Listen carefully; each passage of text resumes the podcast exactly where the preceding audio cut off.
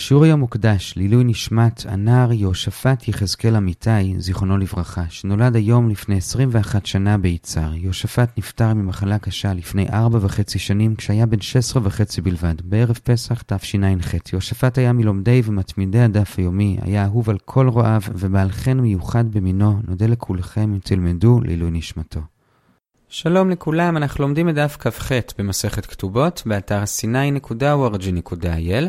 אנחנו מתחילים מכ"ז עמוד ב' מיד אחרי המשנה, את המשנה עצמה ראינו אתמול, ונלמד את סוף הפרק בעמוד ב', השיעור היום יהיה 12 דקות. היום נחלק את השיעור לשני חלקים. בחלק הראשון נדבר על בני זוג שנאסרו או שהתגרשו, האם הם יכולים לגור בקרבת מקום או שחוששים שהוא יבוא עליה. בחלק השני נדבר על מתי אדם יכול להעיד על משהו שהוא ראה כשהוא היה קטן. אז אנחנו מתחילים בחלק הראשון, שוב לגבי בני זוג שכבר אסורים אחד על השני, האם מותר להם לגור בקרבת מקום, ונחלק את זה לארבעה דיונים. הדיון הראשון הבסיסי זה כמה קרוב מותר להם לגור, ונדבר על שלושה זוגות שונים. הזוג הראשון זה כהן שאישו נשבתה, וממילא אסורה עליו כי מניחים שהיא נאנסה, אבל כזכור זה רק חשש, וממילא אנחנו לא מחמירים אליהם יותר מדי, ולכן אומרת הברייתא על רבי זכריה בן הקצב שזה מה שקרה לו, אז הוא לא גירש אותה, אלא הם פשוט מעכשיו היו אסורים אחד על השני, והיא גם לא הייתה צריכה להתרחק יותר מדי, אלא הוא ייחד לבית באותה חצר שלו, וכל פעם שהם נפגשו הם דאגו שגם הבנים שלהם יהיו שם בשביל שלא יהיה ייחוד. זה לגבי כהן שאשתו נשבתה, שוב, הוא לא צריך לגרש אותה, הם יכולים להיות באותה החצר, רק לא להתייחד.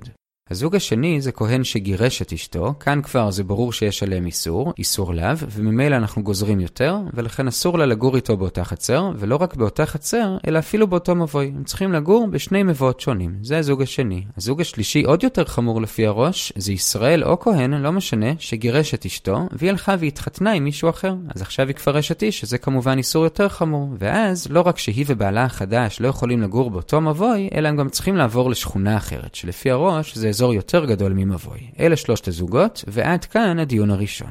הדיון השני, כשדבר כזה קורה ואנחנו אומרים להם לא לגור באותה חצר, באותה מבוי, באותה שכונה, מי נדחה מפני מי? כלומר, איזה מבני הזוג יכולים להישאר בבית שלהם, ומי מבני הזוג צריך לקום ולעבור דירה. אז לגבי זה הגמרא מביאה ברייתא. בסיפא של הברייתא כתוב שאם לה יש בית ששייך לה באותה חצר ולבעל אין, אלא הוא רק שוכר בית, אז הוא זה שצריך לקום ולעבור דירה. זה בסיפא. ברישא כתוב שאם שניהם שווים, אז היא זאת שצריכה לעבור. עכשיו, מה שלא ברור בברייתא עצמה, זה האם הברייתא מדברת דווקא כששניהם שווים בזה ששניהם סוחרים, כלומר לשניהם אין בית בבעלותם שם, או שגם כשלשניהם יש בית בבעלותם שם, לכן הגמרא מביאה עוד ברייתא, שממנה לומדים שבשני המקרים שעכשיו הזכרנו, בין כשלשניהם יש בית בבעלותם באותה חצר, בין כשלשניהם אין, בכל מקרה ששניהם שווים לגבי זה, אז היא זאת שצריכה לעבור, כי לגבר יותר קשה לעבור מקום מאשר לאישה, המפרשים אומרים כי ירחמו עליה יותר במקום החדש, שלגבר לא ירחמו, לכן היא זאת שצריכה לעבור מקום. אז שוב, אם שניהם שווים היא עוברת, אם לה יש בית שלה באותה חצר ולא אין, אז הוא זה שעובר דירה. הדיון השלישי והאחרון של החלק הזה, זה שהגמרא מרחיבה שלא רק שאסור להם לגור בסמיכות, אלא גם אסור שיתעסקו בכלל אחד עם השני יותר מדי, כי זה יכול להביא לתקלה. לכן הברייתא אומרת שאם הבעל חייב לאישה כסף, היא לא תלך לבית שלו לקחת, אלא היא תשלח שליח, בשביל לא לבוא איתו יותר מדי במגע. ורב ששת אומר שאם הם צריכים ללכת לבית דין, אז הם לא ילכו שניהם לבית דין, שלא ייפגשו שם, אלא אחד מהם ישלח שליח. ואם הם בכל זאת לא מקשיבים לנו וכן באים שניהם, אז קודם כל הבית דין לא דן בעניין שלהם, ויש שם רואים שמוסיפים שגם מענישים אותם, כלומר מנדים או מלקים אותם. זה היה הדיון השלישי. הדיון הרביעי זה כולה, הגמרא מביאה ברייתא במסכת צמחות, שאומרת שכל ההרחקות שאמרנו, לכאורה גם ההרחקה של מה שאמרנו עכשיו, לא לגשת לבית דין ביחד, וגם ההרחקה שיגורו במקומות רחוקים, כל זה דווקא כשהם התגרשו מהנישואין, כלומר הם היו אחד עם השני, וממילא יש יצר. אבל אם הם התגרשו מהאירוסין, כלומר שהם אף פעם לא היו ביחד עדיין, אז אין את ההרחקות האלו. עכשיו זה דווקא במצב רגיל, אבל אומר רב נחמן או רבד אבר מתנה, שאם הדיין רואה שבכל זאת, באופן ספציפי אליהם יש קרבה רגשית ביניהם, אז עדיין אסור, גם אם זה היה רק מהאירוסין. זה הדיון הרביעי, ועד כאן החלק הראשון של השיעור. החלק השני זה לגבי עדות. למדנו במשנה הקודמת שקטן יכול להעיד על אישה שנשבית שהיא לא נאנסה. אז עכשיו אגב זה נראה עוד קולות שקשורות לעדות של קטן, אבל לא כשהוא מעיד כשהוא קטן, זה ודאי אסור, חוץ מלגבי נשבית, אלא כשהוא מעיד כשהוא גדול על דברים שהוא ראה כשהוא קטן. עכשיו באופן כללי גם את זה אי אפשר לעשות, כי ההנחה היא שכשהוא קטן הוא לא שם לב בדיוק למה שהוא רואה, לכן גם כשהוא גדול הוא לא יכול להעיד על מה שהוא ראה כשהוא קטן, אבל היום נראה שיש דברים שבכל זאת הוא כן יכול להעיד. במה? אז נחלק את הדיון לגבי זה לשני שלבים. השלב הראשון זה המשנה, השלב השני זה ברייתא.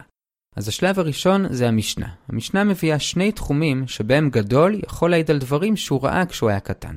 תחום ראשון, שזה מאוד קשור למסכת שלנו, זה שהוא יכול לומר שכשהייתי בחתונה של פלונית, ראיתי שהגיעה לחתונה כמו שבתולה מגיעה מבחינת סידור השיער שלה, וממילא ברור שהיא הייתה בתולה ומגיעה ל-200. עכשיו, למה הוא נאמן? אז הגמרא מסבירה, כיוון שרוב נשים נישאות בתולות, והיא גם כן טוענת שהיא הייתה בתולה, והראשונים מוסיפים שגם יש לה חזקת הגוף שהייתה בתולה, ממילא העדות של הקטן רק מחזקת משהו שממילא היינו אומרים, זה נקרא שזה רק גילוי הייתה בעלמא, ולכן כאן הוא נאמן והתקבל כתובה 200. זה תחום ראשון, שאפילו שהוא דאורייתא ואפילו שהוא גם מוציא ממון מהבעל, בכל זאת הגדול מעיד על משהו שהוא ראה כשהוא היה קטן.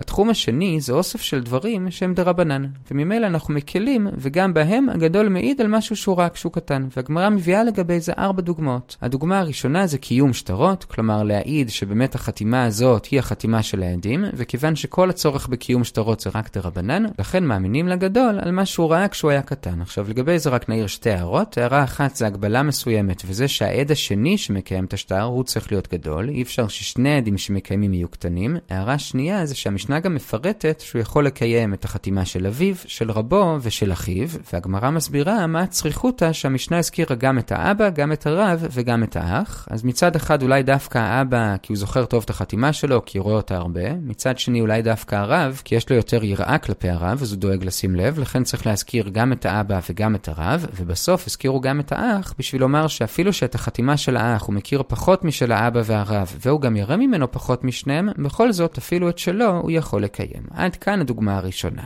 הדוגמה השנייה זה להעיד על מישהו שהוא כהן, כך שהוא יוכל לאכול תרומה. הגמרא מדגישה דווקא תרומה דה רבנן. עכשיו, מה הוא מעיד שהוא ראה בשביל לומר שהוא כהן? אז אם הוא סתם יאמר שכשהייתי קטן ראיתי שאותו פלוני אוכל תרומה, זה לא מספיק, כי יכול להיות שהוא היה עבד כנעני של כהן, וממילא הוא אכל תרומה. זה לא אומר שהוא עצמו כהן, אלא הוא צריך להוסיף עוד איזה נתון, שזה יראה לנו שהוא עצמו כהן. איזה נתון? אז יש כאן שתי אפשרויות. אפשרות אחת זה שהוא אומר ראיתי אותו יוצא מהבית ספר או מהתלמוד תורה, ואז אוכל תרומה, וממילא כיוון שהוא הלך לבית ספר כמו כל הילדים, אז מסתבר שהוא לא עבד כנעני, כי אמנם לעבד כנעני מותר ללמוד תורה בעצמו, אבל האדון שלו לא יכול לשלוח אותו ללמוד תורה, כך אומר רבי יהושע בן לוי, ממילא כנראה שהוא יהודי והוא כהן, זאת אפשרות אחת.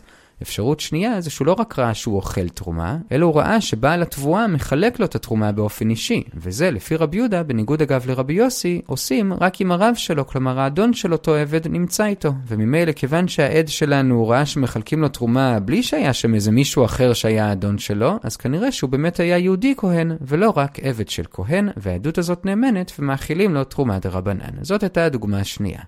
הדוגמה השלישית זה אם יש שדה שיודעים שקברו בו מישהו, אבל לא יודעים איפה בדיוק, ואז חרשו את השדה. אז מדאורייתא אין שום בעיה, הכל עדיין טהור, כי סביר שהמחרשה לא הגיעה למת, וגם אם כן, סביר שהיא ריסקה אותו לגמרי, כך שאין עצם כשעורה, אבל חז"ל גזרו, כי הם חוששים שבכל זאת איפשהו בשדה יש עצם כשעורה, ולכן אם אדם עובר שם בשדה, הוא נטמע, כי אולי הוא נגע או הזיז את אותה עצם. עכשיו, על איזה שטח גזרו? אז אם לא יודעים איפה המת היה בשדה, אז גוזרים על כל השדה. אם יודעים, אז גוזרים 100 אמה לכל כיוון, כי ההנחה היא שהמחרשה לא תפזר את העצמות שלו יותר מזה. זה באופן כללי. עכשיו לגבינו, יש שדה שלא יודעים איפה המת היה, ובא אדם ואומר, כשהייתי קטן ראיתי איפה המת היה, וממילא כשהוא מעיד כך, אז הוא מצמצם את אזור הטומאה מכל השדה לאזור יותר מצומצם של עיגול של רדיוס של 100 אמה, ובזה הוא נאמן. ולמה? כי כאמור, זה רק חשש דה רבנן. ומי אמר שזה באמת רק חשש דה רבנן? אז הגמרא מביאה ראייה לזה מזה שהקלו בזה בשני דברים. דבר אחד, רב יהודה בשם שמואל אומר, שאדם יכול לנשוף מפיו על החול בשביל לראות אם יש שם עצמות, ואז לעבור. עכשיו, אם זה היה חשש דאורייתא, זה לא היה מספיק, כי לא בטוח שהוא יראה. כולה שנייה, רב יהודה ברעמי בשם רב יהודה, אם השדה הזאת כבר נידושה, כלומר הרבה אנשים הלכו שם, אז גם כבר אין חשש, גם זה מראה שזה רק דרבנן. אז הנה הדוגמה השלישית לדבר שאדם מעיד עליו שהוא ראה כשהוא היה קטן, כשמדובר בנפקמינה מדרבנן. הדוגמה הרביעית והאחרונה לגבי זה, זה תחום שבת. לפי רבי עקיבא זה דאורייתא, אבל לפי חכמים לפחות התחום של אלפיים אמה זה רק דרבנן,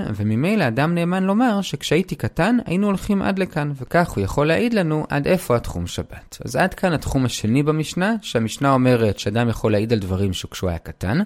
תחום שלישי במשנה זה שהמשנה מדגישה שאומנם הוא יכול להעיד את מה שהזכרנו עד עכשיו, אבל להוציא ממון הוא לא נאמן. לכן הוא לא יכול להעיד למשל דרך פלוני היה לפלוני במקום הזה, והוא גם לא יכול להעיד שמעמד ומספד היה לפלוני במקום הזה, כי זה כבר לתת זכויות בקרקע לאיזשהו פלוני בשדה של מישהו אחר, לזה הוא לא נאמן. אז עד כאן השלב הראשון, ראינו את המשנה והסברנו אותה על פי הגמרא, הגענו לשליש התחתון של עמוד ב', ואנחנו עוברים לשלב השני, שזה הברייתא. הברייתא מוסיפה עוד שני דברים. דבר אחד זה שאותו גדול נאמן להעיד על דבר שהוא רק כשהוא קטן, גם כשיש לזה נפקמינה לגבי יוחסין. כלומר, לגבי מי כהן כשר לעבודת המקדש. עכשיו, הר"ן מדגיש שזה לא שהוא נאמן לגמרי. כלומר, הוא לא יכול לבוא לכהן כשר ולומר אני יודע שהוא פסול או להפך. אלא הוא נאמן בשתי הדוגמאות הבאות. דוגמה אחת, המשנה מביאה, נסביר את זה לפי הר"ן, זה שיש משפחה של כהנים שאנחנו יודעים שחלק ממנה פסול וחלק לא, כי איפשהו היה כהן שהתחתן עם פסולה, רק לא ברור לנו איזה, ואז בא הילד הזה ואומר, אבא שלי אמר לי כשהייתי קטן, כהן פלוני הוא זה שהתחתן עם פסולה, וממילא רק הצאצאים שלו פסולים, אבל כל שאר בני המשפחה כשרים. לזה הוא נאמן, כי זה לא שהוא זה שפוסל לנו בעדות שלו, אלא כבר ידענו שהמשפחה הזאת בעייתית ופסלנו את כולם מספק, ואותה עדות רק גילתה לנו איפה בדיוק הפסול במשפחה ואיפה לא. זו דוגמה ראשונה שבה העדות של הגדול על משהו שהוא ראה, או הפעם גם שאמרו לו כשהוא היה קטן, נאמנת. הדוגמה השנייה שהברייתא מביאה ליוחסין, זה אם אדם אומר, אני זוכר שכשהייתי קטן, אכלנו בקצצה. מה הכוונה? אז הגמרא מביאה ברייתא שמסבירה שכשהייתה משפחת כהנים גדולה, שאחד מהם נשא ביודעין פסולה, וכל שאר בני המשפחה חששו שמעכשיו יתייחסו לכל המשפחה שלהם כאל כהנים פסולים, אז הם רצו להדגיש שזה לא הם, זה רק אותו אח, אז תפסלו אותו ואת הילדים שלו, אל תפסלו אותנו. אז הם רוצים לעשות איזשהו אירוע גדול שכולם יזכרו שהם כן כשרים, אז מה היו עושים? היו מוצאים איזושהי חבית עם אוכל לילדים, מביאים את זה לכיכר העיר ושוברים את החבית, ואז כל הילדים היו באים ולוקחים אוכל, ואז אותה משפחה הייתה מכריזה, תדעו דעו לכם שהמשפחה שלנו עדיין כשרה, ואנחנו לא קשורים לאותו אח שהתחתן עם פסולה. כשהמטרה של אותו טקס זה שהילדים יזכרו את זה, וכך גם בעוד 70 שנה, כשמישהו ינסה לברר האם הכהנים האלה כשרים או לא, אז יהיה איזה ילד שיזכור, כן, אנחנו אכלנו בקצצה, ואני יודע שהם כשרים, אז זה הדבר השני שבו גדול יכול להעיד על משהו שהוא ראה כשהוא קטן, כשבעצם זה כל מהות הטקס הזה, שבאמת הקטנים יזכרו ויעידו על זה כשהם יהיו גדולים, כי קטנים נוטים לזכור אירועים כאלה משמחים כששוברים להם חבית של ממתקים באמצע הרחוב. עד כאן כאן הדבר הראשון שהברייתא מוסיפה, על זה שגדול נאמן על משהו שהוא היה קטן, גם לגבי יוחסין, והבאנו שתי דוגמאות. הדבר השני שהברייתא מוסיפה, זה שעד עכשיו דיברנו על גדול שמעיד על משהו שהוא ראה כשהוא היה קטן. עכשיו עולה השאלה לגבי נושא דומה, וזה מה לגבי גר שמעיד על משהו שהוא ראה כשהוא היה גוי. הרי כשהוא גוי הוא לא נאמן לעדות, אבל עכשיו הוא כבר גר, האם הוא יכול להעיד? אז בזה יש מחלוקת. רבנן אומרים שלא, כי כשהוא ראה את האירוע שעליו הוא מעיד הוא היה גוי, לעומת זאת רבי יוחנן בן ברוקה אומר שכן. למה? הגמרא מסבירה שגם כשהוא היה גוי, הוא ידע שהוא הולך להתגייר, וממילא הוא כבר התחיל לשים לב לדברים שהוא רואה, הוא כבר לא סתם גוי, והוא כן יכול להעיד על דברים שהוא ראה באותה תקופה. עכשיו, לכאורה משמע שאם הוא מעיד על משהו שהוא ראה עוד לפני שהוא בכלל חשב להתגייר, אז בזה, גם לפי רבי יוחנן בן ברוקה, הוא לא יהיה נאמן.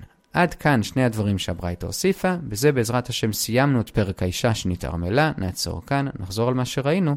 חילקנו את השיעור לשני חלקים. בחלק הראשון דיברנו על בני זוג שנאסרו אחד על השני, האם הם יכולים לגור בקרבת מקום, ועוד פרטים לגבי זה. חילקנו את זה לארבעה דיונים. בדיון הראשון ראינו איפה הם יכולים לגור, אז זה תלוי במי מדובר. כהן שאשתו נשבתה וממילא הם נאסרו, הוא אפילו לא צריך לגרש אותה, והיא יכולה לגור בבית בחצר, רק צריך לדאוג שלא יהיה ייחוד. כהן וגרושתו כן צריכים להתרחק, כי לא יכולה לגור לא באותה חצר ואפילו לא באותו מבוי. ואדם עם גרושתו שכבר התחתנה, אז עכשיו היא אשת איש, זה עוד יותר חמור, אסור לה לגור לגור אפילו באותה שכונה. זה דיון ראשון. דיון שני, מי נדחה מפני מי? אם הם שווים, אז היא זאת שצריכה לעבור דירה. אם הם לא שווים, כי לה יש בית שלה באותה חצר ולא אין, אז הוא זה שצריך לעבור דירה. דיון שלישי זה שהגמרא מרחיבה את זה, שגם לא יבואו במגע יותר מדי אחד עם השני, ולכן אם היא צריכה לגבות ממנו חוב ותשלח שליח, וגם לא יבואו שניהם לבית דין וייפגשו שם. ודיון רביעי זה כולה, אם הם יתגרשו מהאירוסין, כלומר שהם עוד לא היו ביחד, אז מותר, אלא אם כן רואים שיש קרבה רגשית ביניהם, אז אסור. זה היה בחלק הראשון. בחלק השני דיברנו על עדות של אדם להעיד על דברים שהוא ראה כשהוא היה קטן. במשנה ראינו שני תחומים. תחום אחד זה להעיד על שהוא ראה אישה שבחתונה שלה היא התנהגה כמו בתולה וממילא מגיעה ל-200,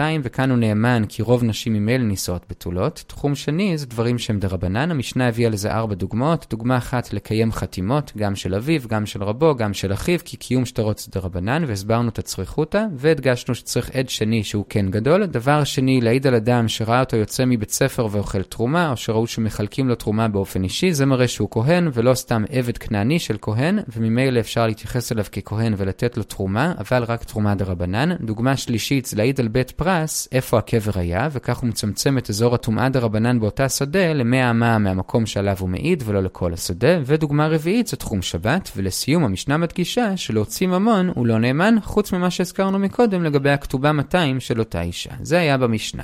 בברייתא הוספנו עוד שני דברים. דבר אחד זה עוד שתי דוגמאות שבו הוא נאמן גם לגבי יוחסין. דוגמה אחת זה כשיש משפחה גדולה של כהנים שיודעים שחלק מהם פסולים וחלק כשרים, והוא אומר שאבא שלו אמר לו מי הכשרים ומי הפסולים. כאן הוא נאמן כי זה סוג של גילוי מילתא. דבר שני זה שהוא זוכר שאכלנו בקצצה, שזה סוג של טקס שמשפחת כהנים עשו בשביל להדגיש שהם כשרים והם לא כמו אח שלהם שהלך והתחתן עם פסולה. זה לגבי יוחסין. דבר שני שהברייתא מוסיפה זה מחלוקת לגבי גר שמעיד על משהו שהוא ראה לפני שהוא התגייר. לפי רבנן לא נאמן, לפי רבי יוחנן בן ברוקה הוא נאמן, כי כבר כשהוא היה גוי הוא ידע שהוא הולך להתגייר, וממילא הוא התחיל לשים לב למה שהוא רואה, ועל זה הוא נאמן. כל הטוב.